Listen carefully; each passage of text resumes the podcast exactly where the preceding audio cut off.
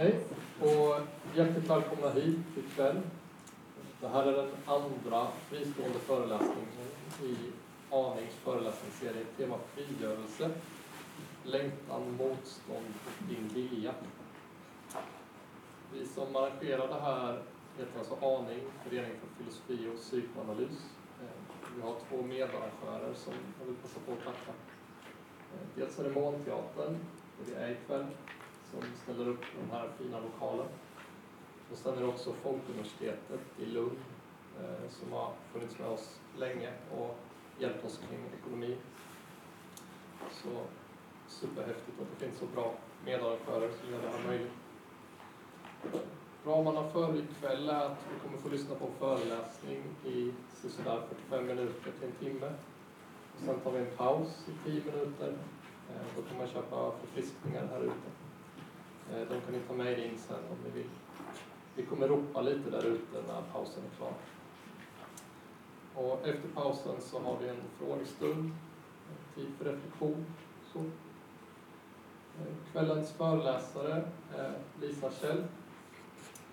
Och eh, hon är docent i teoretisk filosofi och biträdande lektor i genusvetenskap. Lisa har disputerat först inom Women's Studies på Clark University i USA, då med en avhandling om könsskillnad i feministisk teori. Eh, sen eh, i, eh, i filosofi vid Centrum för subjektivitetsforskning i Köpenhamn. Och den avhandlingen kretsade kring Merleau-Pontys tänkande.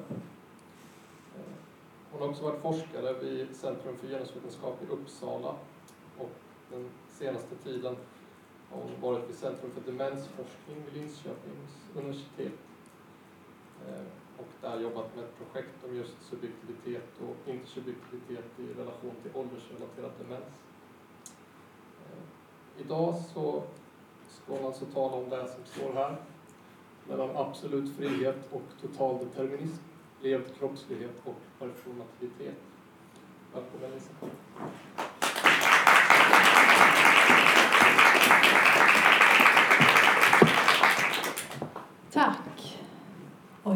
Vad starkt.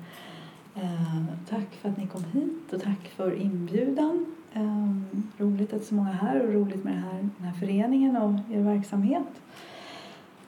Eh, titeln på min föreläsning här är alltså mellan absolut frihet och total determinism, levd kroppslighet och performativitet. Och under den rubriken så ska jag tala om eh, performativitetsbegreppet hos den amerikanska filosofen Judith Butler och det jag säger i den här föreläsningen finns i en längre publicerad form eh, på engelska eh, och något annorlunda i en artikel i tidskriften Lambda Nordica som kom ut med ett eh, specialnummer på temat Gender Trouble 25 år. Ehm, förra året fast det då var 26 år sedan. Ehm, säger någonting om publikationstid. Um, men, uh, men jag kommer tala om performativitetsbegreppet och jag kommer göra det i relation till uh, fenomenologi och göra en fenomenologisk läsning av Butlers uh, filosofi. Eh, jag lyfter fram fenomenologiska spår och det är just fenomenologin som jag ser som en möjlig ingång för att förstå performativitet mellan just total frihet och absolut determinism som brukar vara två motpoler som man hamnar i. Det var lite wobbly här, här bordet. Men eh, så jag ska som sagt tala om Judith Butler som vi har här. Eh, hon har etablerat sig och etablerats också som en central gestalt inom genus och queerteori och feministisk filosofi men även inom aktivistiska rörelser, feministiska, queer, crip eller funkisrörelser som på olika sätt arbetar för just frigörelse, eh, som är temat för den här föreläsningsserien. Eh, frigörelse från förtryck och diskriminering, från lagliga hinder, frigörelse från tvingande normer, frigörelse från olika sociala och politiska sanktioner.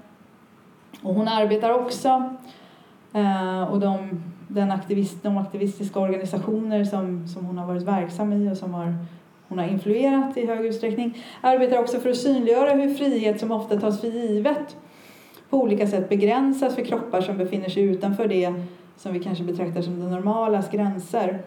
Eh, och kanske är det främst frigörelse från osynliggörande eh, som man kan tala om. Ehm, Butlers teori om att identitet och framförallt könsidentitet är performativt konstituerad har kommit att bli en av grundpelarna i feministisk teori och genusforskning. Och Butler hon introducerar performativitetsbegreppet i sin bok Gender Trouble från 1990 som eh, såg ut så här 1990 och sen i en uppdaterad version eh, tio år senare på den där lilla röda bannern så står det 10th anniversary edition. Eh, tio år senare då i förordet till den här The 10th anniversary edition av Gender Trouble så diskuterar Butler svårigheterna med att definiera vad som kan sägas vara bokens själva nyckelbegrepp, nämligen performativitet. Delvis skriver hon speglar de här svårigheterna hennes egen förändrade förståelse av performativitetsbegreppet. Men delvis har också detta att göra med att begreppet har fått ett eget liv som ju begrepp får när de reser mellan områden. Ehm, ett eget liv bortom Butlers egna texter genom att de, det har plockats upp och använts och omformulerats av andra. Hon skriver ganska mycket om det i det här förordet om hur det kanske har plockats upp på sätt som hon själv inte avsåg men som, är både, som hon ser som ganska positivt generellt. Den stora mängd tolkningar och beskrivningar av performativitet av könsidentiteter som tar avstamp i Butler och som ofta i några specifika passager och isolerade formuleringar av Gender Trouble och inte alls Butlers bok som helhet. Eh, de är ofrånkomligt inte samma som och de är ofta väldigt skilda från Butlers egna beskrivningar.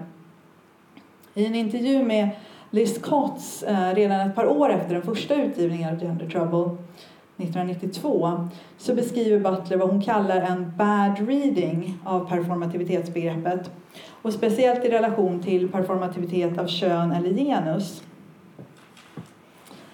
Eh, Butler skriver att den här bad reading dessvärre har blivit den mest populära tolkningen av performativitet. Eh, ska vi ordna? Ja, kanske lite bättre. Mm, tack. Och hon säger så här i den här intervjun. Jag Hoppas ni kan se. The bad reading goes something like this. I can get up in the morning, look in my closet, and decide which gender I want to be today. I can take out a piece of clothing and change my gender, stylize it, and then that evening I can change it again and be some radically other. So that what you get is something like the commodification of gender and the understanding of taking on a gender as a kind of consumerism. Den här dåliga tolkningen, eller bad reading, är inte bara ett exempel på hur kön eller genus kommodifieras och blir till en vara, utan den begreppsliggör också identitet och subjektet i tydliga voluntaristiska termer. Jag kan enligt den här tolkningen av performativitet helt fritt bestämma vilket kön eller genus jag vill vara och jag kan också ändra vem jag är genom min iscensättning. Till skillnad från en sån här läsning beskriver Butler faktiskt i Gender Trouble genus som, vad hon säger det här, a set of repeated acts within a highly rigid regulatory frame that con congeal over time to produce the appearance of substance, of a natural sort of being. Så performativitet av kön och genus är alltså långt ifrån ett fritt val eller en fri iscensättning utan istället en fråga om reglering på olika plan. En reglerad stilisering av kroppen. Butler talar om att performativitet av kön handlar om how to work the trap that one is inevitably in. Att navigera den fälla man ofrånkomligt befinner sig i. Och i Gender Trouble så skriver hon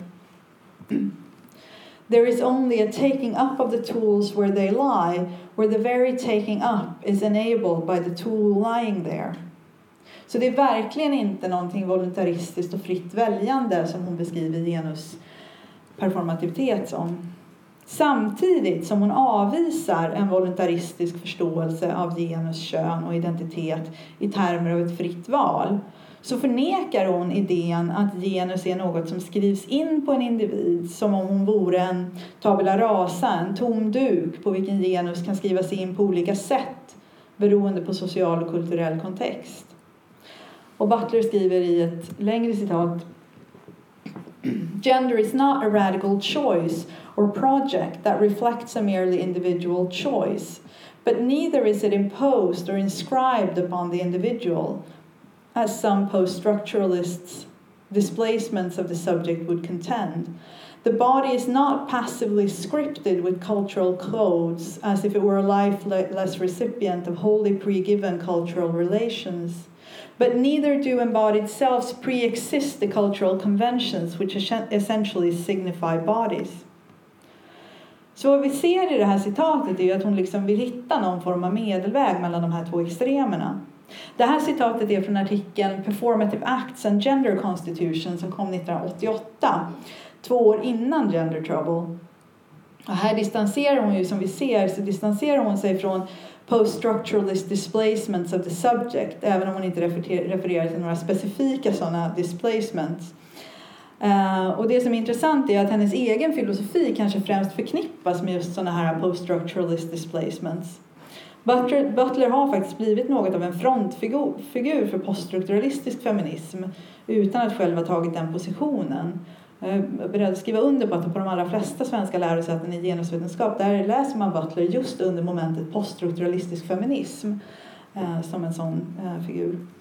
Ehm, men hon distanserar sig alltså både från poststrukturalistiska displacements av subjektet och från föreställningen att subjekt existerar före kulturella konventioner.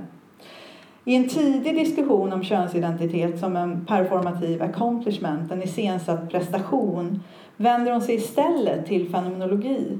En filosofisk riktning som etablerades av Edmund Husserl, Max Scheler, Edith Stein och i Frankrike av Maurice Merleau-Ponty, Simone de Beauvoir och Jean-Paul Sartre. Och det är möjligt att jag förutsätter lite för mycket av era förkunskaper om fenomenologi men, men jag ska försöka eh, förklara bäst jag kan och sen tar vi gärna i eh, frågestunden en, kanske mer frågor om det.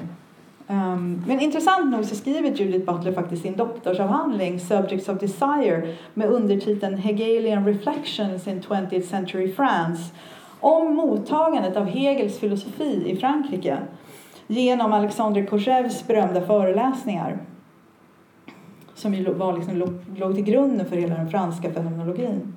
Och hennes senare arbete är i hög utsträckning influerad av fenomenologin och jag vill mena att det är så i mycket högre utsträckning än hon själv faktiskt diskuterar. Mer specifikt så vänder sig Butler till den fenomenologiska teorin om akter som hon skriver söker att förstå det vardagliga sätt genom vilket sociala agenter konstituerar social verklighet genom språk, gester och alla typer av symboliska tecken, sociala tecken. Och trots att fenomenologin, enligt Butler, ibland verkar förutsätta att det finns en fritt väljande och konstituerande agent som den enda källan till sina konstituerande akter identifierar hon samtidigt en mer radikal förståelse av konstitutionen som tar agenten som objekt snarare än subjekt. Det är denna mer radikala förståelse av konstitution som Butler lyfter fram när hon utvecklar performativitetsbegreppet. Det är inte helt solklart dock vad den här mer radikala förståelsen innebär utöver att den tar agenten som konstitutionens objekt och inte som ett väljande subjekt som existerar innan och som enda ursprung till konstitutiva akter. Butler tycks dessutom bjuda in till en viss tvetydighet och det kan ju ses väldigt tydligt i det här citatet som jag har uppe nu. Men när hon skriver att feministiska användningar av den fenomenologiska konstitutionsteorin might employ the notion of an act in a richly ambiguous sense och i denna tvetydiga betydelse kan den, alltså fenomenologin, enligt henne innebära en lyckosam startpunkt för en feministisk teori som söker förstå hur kroppar formas till olika kön och genus.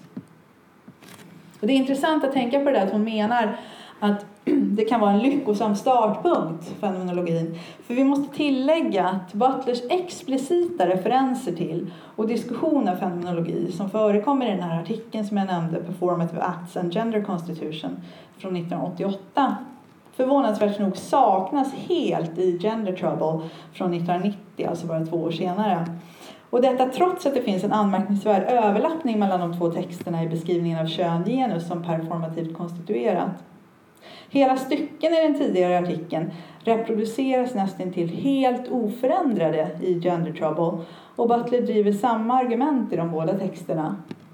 Men de fenomenologiska referenserna på vilka mycket av diskussionen i den tidigare artikeln bygger har tagits bort helt och hållet i Gender Trouble. Det är ju superintressant det här, hur det sker på två år. Den tidigare artikeln ger oss en ledtråd till hur fenomenologin har bidragit till och starkt influerat utvecklingen av performativitetsbegreppet hos Butler och raderandet av referenserna till fenomenologin och osynliggörandet av fenomenologin och fenomenologins bidrag leder till superintressanta frågor om positionering och synliggörande och osynliggörande, kanonisering och etablerandet av vetenskapliga arvslinjer. Butler har så vitt jag vet aldrig kommenterat det här raderandet av de här referenserna. Men det skulle vara väldigt spännande att höra henne prata någonting om det. Så medan Butler i Gender Trouble, en annan sån sak som vi man måste säga är att medan hon i Gender Trouble och i andra tidiga arbeten explicit diskuterar performativitet av kön och genus och hur iscensättning av genus etablerar tron på ett fördiskursivt eller naturligt kön är hennes resonemang redan i de här texterna inte begränsade till kön och genus utan handlar om konstruktionen av subjektet i mer generella termer. Hennes huvudsakliga intresse i Gender Trouble är hur vi ska förstå kvinnan som feminismens subjekt och möjligheten av ett feministiskt emancipatoriskt projekt baserat på den här idén om kvinnan. Detta leder henne då till att dekonstruera genusbegreppet och den väletablerade distinktionen mellan ett kulturellt konstruerat genus och ett naturligt biologiskt kön. Och det här är liksom vardagsmat nu för genusvetenskapen och feministisk teori för det är så väletablerat på något sätt. Men performativitet säger hon i en intervju från 94, alltså fyra år efter Gender Trouble, eh, en intervju i tidskriften Radical Philosophy, är inte begränsat till konstitutionen av könsidentiteter utan, eh, säger hon, contests the very notion of the subject. Och det är utifrån den där typen av citat också som man leds till att hon faktiskt vill förneka subjektet helt och hållet med hänvisning till Louis Althusers beskrivning av interpellering av subjekt, hur subjekt blir kallade in i ett samhällskontrakt och sammanhang, så hävdar Butler att jaget bara blir till genom att kallas in i ett sammanhang och att detta konstitutiva namngivande äger rum innan jaget finns. Och i senare politiskt, filosofiskt och etiskt arbete om sårbarhet Uh, lyfter Butler fram kroppsligt liv som en plats för en gemensam mänsklig sårbarhet som uppstår med livet självt. Och skriver hon vars ursprung vi inte kan återfinna eftersom den föregår formationen av jaget. Eh, denna, den här allmänmänskliga sårbarheten, och det här betonar hon starkt uh, rätt ofta skriver så här att vulnerability is always articulated differently and cannot be properly thought of outside the differentiated field of power and specifically the differential operation of norms of recognition.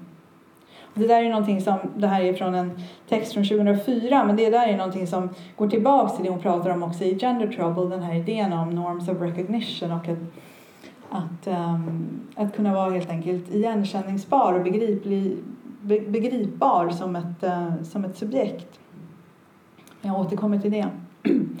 En återkommande Ja, genomgående tematik i Butlers hela produktion är faktiskt en displacement av subjektet trots hennes egen distansering från just en sådan displacement. Eh, I alla fall då med poststrukturalistiska förtecken. Och då kan man fråga hur vi ska förstå hennes dekonstruktion och displacement av subjektet. Som jag redan nämnt så är Butler tydlig med att det inte existerar något fritt handlande subjekt innan performativa akter eller handlingar. Utan subjektet är istället konstituerat av dessa handlingar. Subjektet är dessutom konstituerat på ett sådant sätt att det framträder och institutionaliseras som existerande innan och som ursprung till sina egna konstituerande handlingar. Med hänvisning till Nietzsche skriver Butler i ett av de mest citerade avsnitten ur Gender Trouble. There need not be a doer behind the deed, but the doer is variably constructed in and through the deed.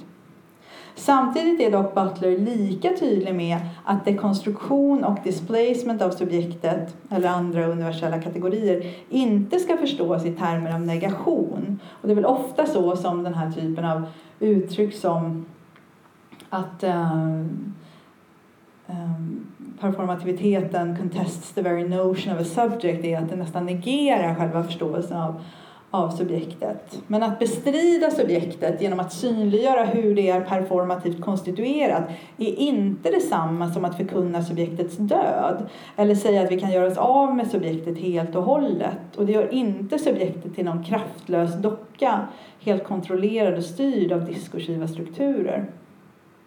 Istället inbjuder, jag kräver kanske till och med, ett bestridande av subjektet noggrann undersökning av hur det fria autonoma subjektet konstitueras som givet, som fördiskursivt och som ursprung. Som enda ursprung. Butlers argument att subjektet är performativt konstituerat är i lika mån ett argument att subjektet inte skapas av någon utomstående kraft utan att de upprepande performativa handlingarna i sig själv är den kraft genom vilka subjektet skapas och upprätthålls. Så som jag redan antytt så synliggörs, synliggör Butlers förståelse av performativitet en förståelse som avvisar både en voluntaristisk syn på subjektet och en syn på subjektet som en passiv yta. En viss dubbelhet synliggörs här i görandet av subjektet både som intentionellt och som kulturellt format. Och det är precis den här dubbelheten som jag vill mena att ett fenomenologiskt perspektiv kan lyfta fram.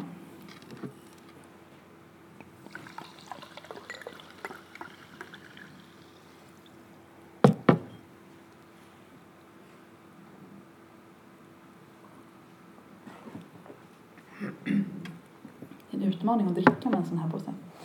Uh, I en fenomenologisk tradition är konstitutionsbegreppet centralt och hänvisar till den process genom vilken objekt och social verklighet samt subjekt i den sociala verkligheten, kroppsliga och situerade i världen och i relation till andra, blir till.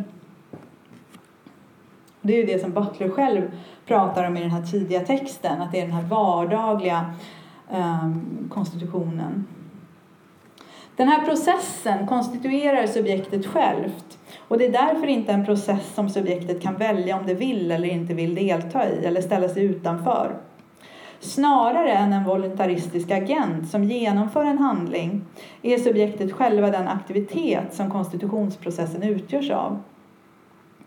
Denna pågående aktivitet resulterar i konstitutionen av världen och i konstitutionen av kroppsliga subjekt som den konstituerande aktiviteten, som någonting som hela tiden pågår. Som Edmund Husserl skriver eh, konstituerar subjektet kontinuerligt sig själv som existerande. Och medan konstitution och konstitutiva handlingar i viss mån har sitt ursprung i subjektet blir subjektet på samma gång till genom konstitutionsprocessen och dess existens är helt beroende av denna process. Trots att konstitutionsprocessen konstituerar subjektet begreppsgörs subjektet ändå i termer av intentionalitet och som ett konstituerande subjekt. Och intentionalitet ska här inte förstås i en vardaglig betydelse av avsiktlighet eller som syftesinriktad. Om vi väljer en sån betydelse är vi helt tillbaka i en voluntaristisk förståelse av subjektet. Istället avser här intentionalitet en teknisk term i fenomenologin och har betydelsen riktadhet, eller orienteradhet kan man säga också. Intentionalitet hänvisar till tanken att medvetandet eller subjektiviteten alltid är riktad eller orienterad mot något som ligger utanför sig själv. Som intentionalt eller orienterat, riktat, är medvetandet alltid medvetande om någonting, till exempel en tanke om något eller ett begär efter något. Begreppet intentionalitet associeras ofta med medvetande men här är det viktigt också att betona att såväl Husserl som senare fenomenologer som Merleau-Ponty och de Beauvoir specifikt lyfter fram en intentionalitet på en kroppslig nivå. Och varken Husserl eller senare fenomenologer argumenterar för att medvetandet skulle vara isolerat från kroppen på något sätt.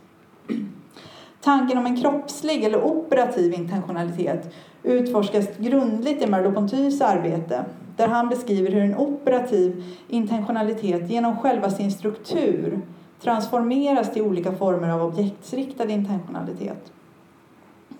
Som Merleau-Ponty skriver transformeras relationen mellan det kroppsliga subjektet och dess värld ofta till en epistemologisk fråga om hur subjektet kan ha kunskap om en värld som tycks existera i sig själv och oberoende av subjektet.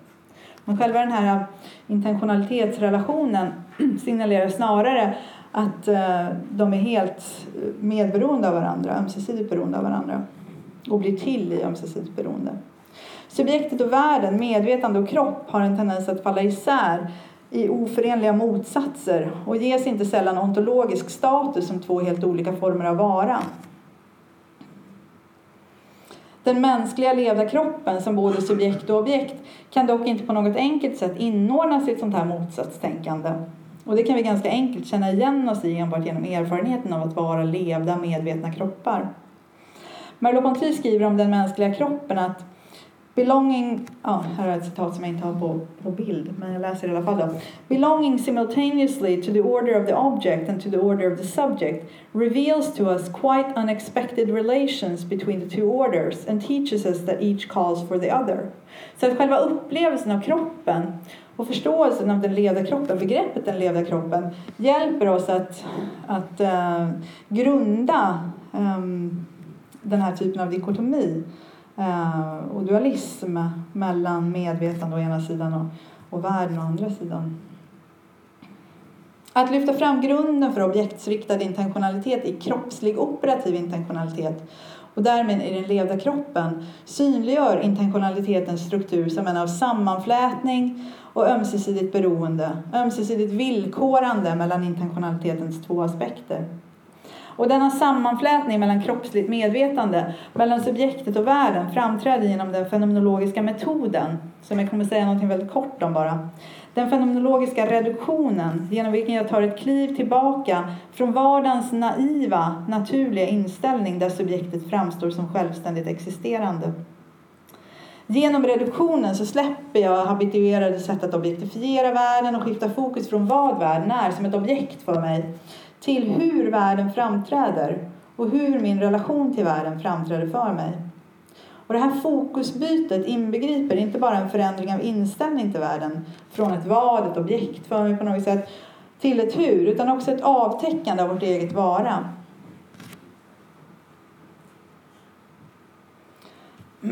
Den fenomenologiska reduktionen blottlägger det kroppsliga subjektet som vara i världen, också i bemärkelsen vara av världen och intentionellt riktad mot den värld i vilken, i vilken det är situerat och av vilken det utgör del. Så mot bakgrund av en fenomenologisk beskrivning av konstitutionen, jag vet att det var ganska snabbt så att vi kan ta det vidare i, i diskussion om ni vill det. Eh, men mot bakgrund av en sån här beskrivning av konstitutionen synliggörs en dubbelhet i performativiteten som både intentional i betydelsen av riktadhet och institutionaliserande i bemärkelsen formande och reglerande och erbjuder oss någon sorts mellanläge mellan den här totala friheten och determinismen. Ett fenomenologiskt perspektiv på performativ konstitution undviker både the bad reading i voluntaristiska termer och en förståelse av performativitet som fullständigt determinerad upprepning. Medan subjektet bara kan vara ett subjekt genom att vara subjected eller underkastad vissa givna villkor som formades vara på specifika sätt är subjektet ändå inom ett sådant villkorat ramverk ett aktivt subjekt som inte har något annat val än att just agera. Genom att lokalisera intentionalitet och konstitution på en kroppslig nivå bidrar ett fenomenologiskt perspektiv med att ta kroppslighet och situering på allvar och därmed avvisa begreppsliggöranden av subjektet som en abstrakt produkt av språkspel eller diskursiva strukturer som också är någonting som Butler har kritiserats för.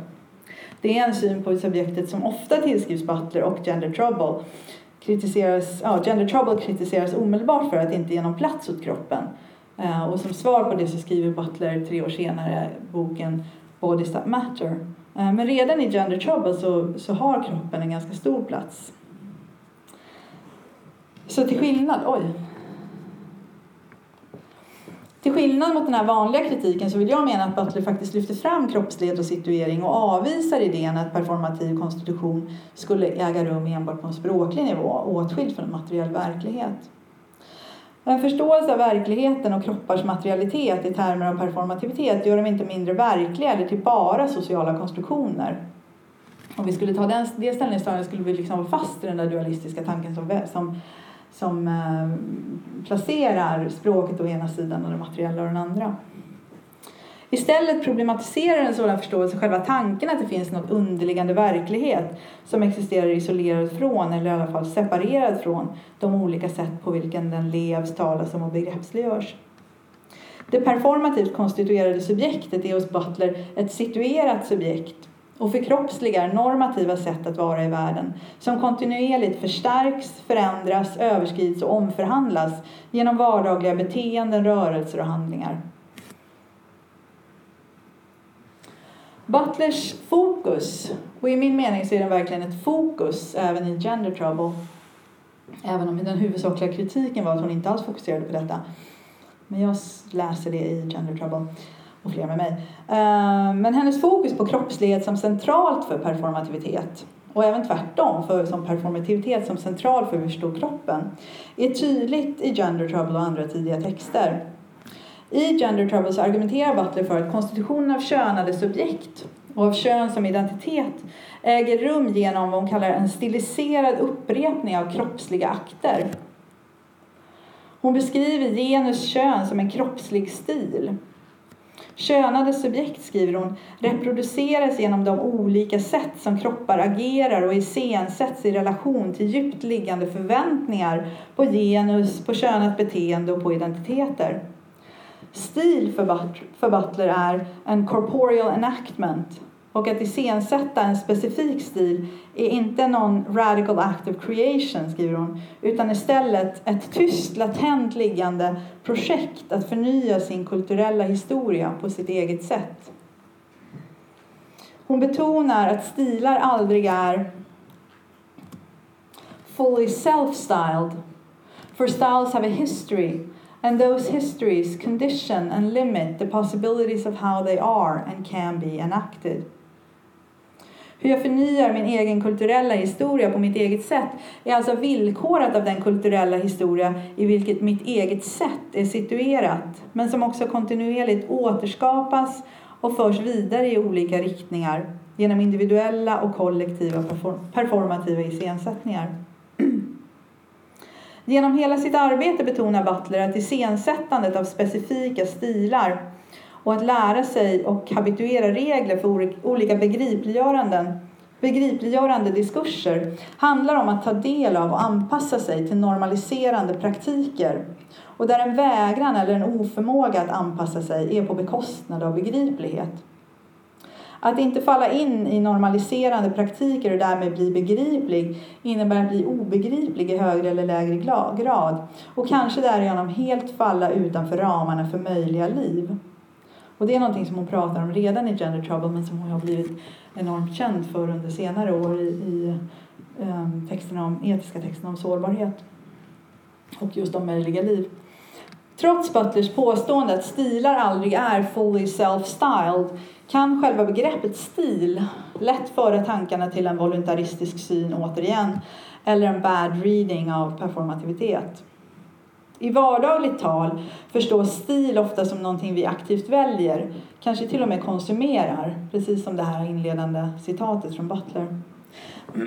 Stil har, som Linda Singer skriver, reducerats till en fetish of the commodity market som kräver att vi byter ut våra garderober med modets förändringar, att vi byter in våra bilar, eh, våra telefoner eller datorer eller läsplattor ehm, eller andra, annan elektronik tror jag det är mestadels. Eh, men i vår samtida commodity culture är enligt Singer stilistiskt värde synonymt med ett objekts marknadsvärde. Stil används också som ett kategoriserande verktyg genom vilket vissa kulturella uttryck eller konstverk till exempel katalogiseras i olika genrer och traditioner och också tillskrivs ett värde. I vardagligt tal har också stil en värderande dimension i relation till både kulturella objekt och personer. Stil är med Singers ord a distinguishing mark of quality och an object of discernment whose final determination rests with the connoisseurs and experts. Butler använder stil, begreppet stil i en helt annan bemärkelse än denna vardagliga förståelse. Och hennes karaktärisering av stil avslöjar återigen spår av fenomenologi där begreppet stil är centralt. För Merleau-Ponty refererar stil till vår ursprungliga relation till världen. Stil kan alltså inte förstås som ett överdrag över saker eller personer som kan lyftas bort och undersökas separat. Stil kan inte placeras i kläder utan de personerna som bär upp kläderna. Eh, istället är stil en grundläggande aspekt av existensen och beskrivs som ett beständigt sätt att vara som kan kännas igen utan att behöva göras, ex behöva göras explicit.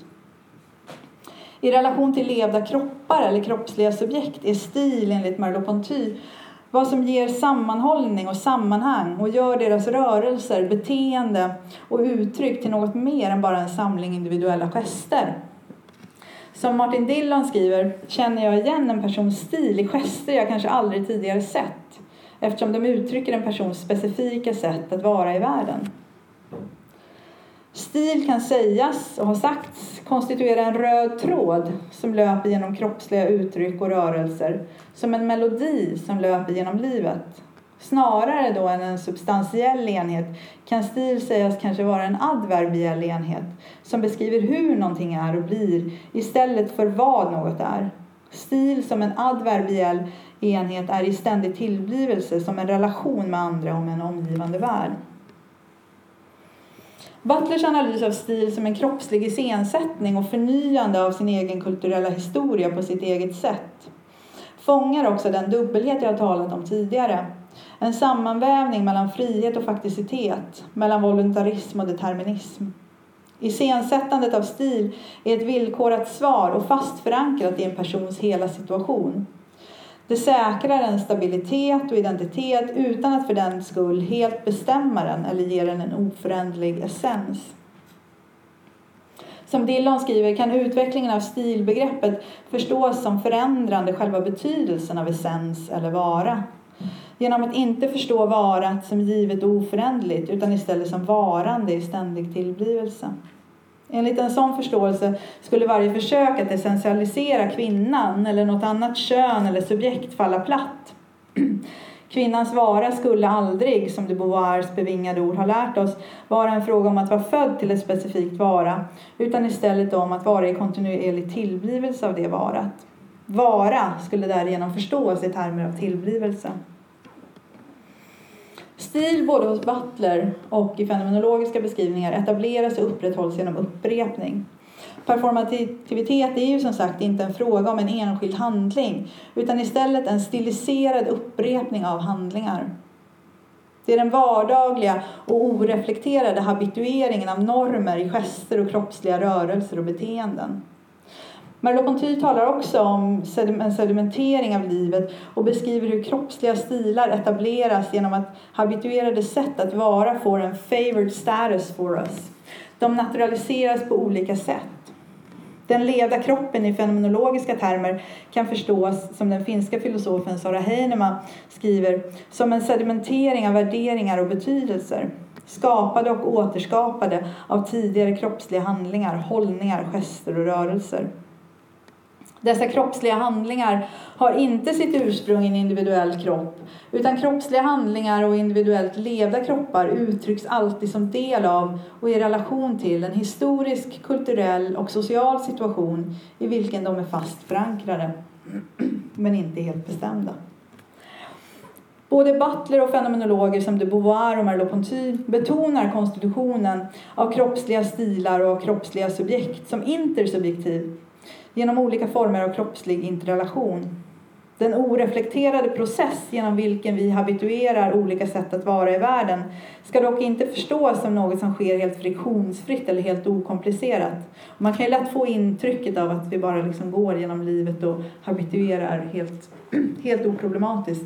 Tvärtom så inkorporeras ofta oreflekterade habituerade normer och sätt att vara på ganska konfliktfyllda sätt och fyllda av spänningar och olika former av disidentifikation och förkastanden eller avvisanden. Som Butler påminner oss om är könsidentiteter utanför ett etablerat heteronormativt ramverk förenade med olika former av bestraffning och allvarliga påföljder. Mest allvarligt är kanske förlusten av att vara begriplig som subjekt eller ens objekt och därmed risken att utplånas och inlämna normer som skapar skam, äckel och hat mot felaktiga perform performativa handlingar. Medan upprepning är vad som etablerar specifika stilar och vad som säkrar identitet finns det enligt Butler ingen upprepning som inte också inbegriper ett moment av förskjutning eller glapp. Subjektet, skriver hon, is always displaced by the very repetition that sustains it. Och den process som upprättar och säkrar subjektets identitet som subjekt är också vad som etablerar dess ständiga non-self-identical status, som vi kallar det för.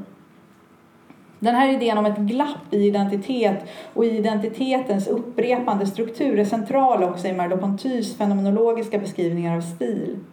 Stil, som jag redan har nämnt, lyfter fram konstitutionen av mening som både intentional och performativ i bemärkelsen upprepande av redan etablerade konfigurationer av mening. Den mening som blir till genom upprepningen av performativa handlingar är inte statisk utan istället något som produceras kontinuerligt. Mening är i ständig tillblivelse eller in statu nascendi och detta är något som Silvia Stoller har lyft fram som en beröringspunkt mellan Butlers performativitetsbegrepp och Merleau-Pontys förståelse av uttryck. Men det här är en koppling som Butler själv lämnar helt oberörd.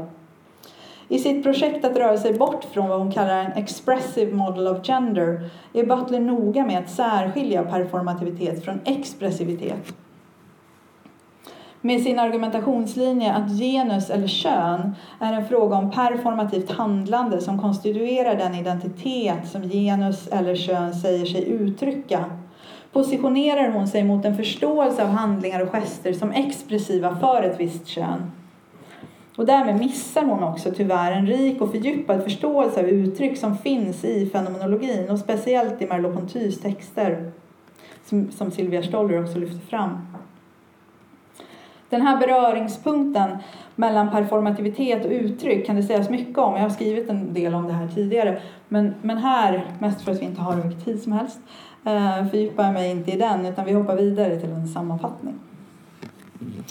Performativitetsbegreppet så som Butler formulerar det öppnar för vägar att närma oss en stabilitet i identiteter och subjektspositioner i kategorier, roller och beteenden och att synliggöra upprepningens kraft i att både upprätthålla givna sätt att vara och möjligheten av att förändra dessa.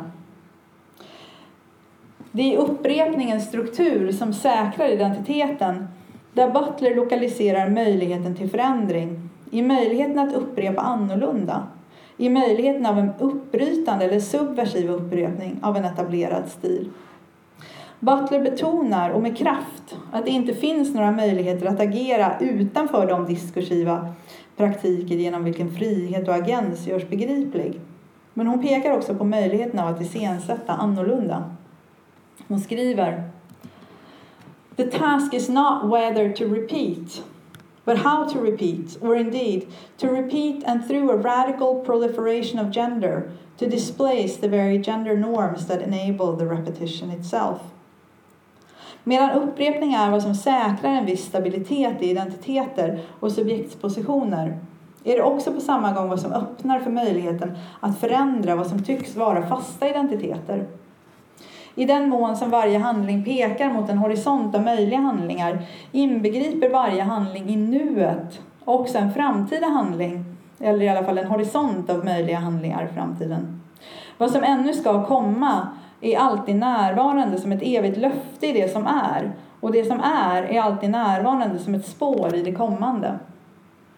Så trots att vi inte kan välja huruvida vi ska handla eller inte kan ändå performativ upprepning habitueras på nya sätt, i nya sätt att vara. Formande kroppsliga subjekt och situationer på sätt som drar linjer och utformar relationer på nya och kanske oväntade sätt.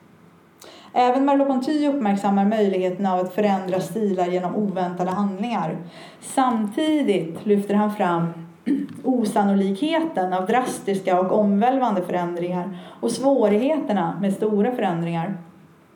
Merleau-Ponty skriver att födas är både att födas av världen och att födas in i världen och fångar därmed den mänskliga existensens dubbelhet av att vara både konstituerad och underkastad mening och på samma gång kontinuerligt konstituerande av mening genom upprepning. Subjektet och alla hennes val och handlingar är alltid situerade och deras situering samt specifika situationer formar villkoren för hur de kan uttryckas.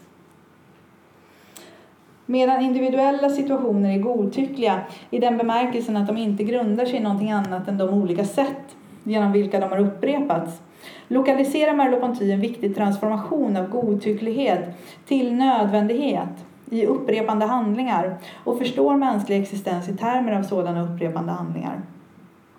Det sätt på vilket kroppsliga subjekt är situerade lägger alltså grund för och möjliggör nya handlingar. Men det är definitivt inte detsamma som att säga att de kan godtyckligt förändras av en enskild handling. Eller ett väljande av en kostym. Så medan upprepat handlande har kraft i sitt framhärdande, i den ihärdighet som ligger i upprepningen, att konstituera och etablera verkligheten på nya sätt och därmed möjliggöra nya och annorlunda materialisering av könade kroppar. Är jag enig med Sara Heinemann att effekterna av att upprepa annorlunda och handla på nya sätt inte ska överdrivas? Ett synliggörande av den möjliga transformativa kraften i upprepning gör heller inte att möjliga konflikter mellan vad vi kanske kan kalla inre och yttre verkligheter, mellan det som är subjektivt levt och upplevt och det som är intersubjektivt överenskommet, helt försvinner. Butler nämner den typen av konflikter och säger att de är vad som gör förändringsarbetet så svårt. Begreppet kvinna, skriver hon, hänvisar inte bara till kvinnor som en social kategori utan också som en subjektivt levd upplevelse. Implikationerna av detta förblir dock relativt outforskade i Butlers egna texter. Här kan, kan i min mening ett fenomenologiskt perspektiv bidra väsentligt till en fördjupad förståelse av vad det kan innebära att se subjektet både i termer av en social kategori och som subjektivt och intersubjektivt levt och upplevt. Genom att uppmärksamma en dubbelhet i Butlers performativitetsbegrepp mot bakgrund av de fenomenologiska spår som finns i hennes arbete har jag försökt undvika valet mellan att se performativitet i antingen voluntaristiska eller deterministiska termer. Att placera dessa två positioner i direkt motsats till varandra implicerar ett val och det valet vore i mina ögon ganska eh, oproduktivt, för att inte säga helt och hållet oproduktivt. Jag vill dessutom mena att Butlers performativitetsteori på intet sätt avkräver oss något sådant val. Istället har jag argumenterat för att hennes avvisande av både en voluntaristisk syn på subjektet och förståelsen av subjektet som en passiv yta eller bestämd produkt inbegriper en dubbelhet i performativ konstitution som förkastar möjligheten av att göra något val mellan det ena eller det andra. Den performativa konstitutionen av könsidentitet av subjektspositioner och speciellt av kvinnan som feminismens subjekt öppnar för en förståelse av kvinnan som både underkastad maktstrukturer och olika privilegier, privilegier och förtryck, förtryck och som aktiv del i det konkreta görandet av olika identiteter inom och delaktiga i sådana strukturer.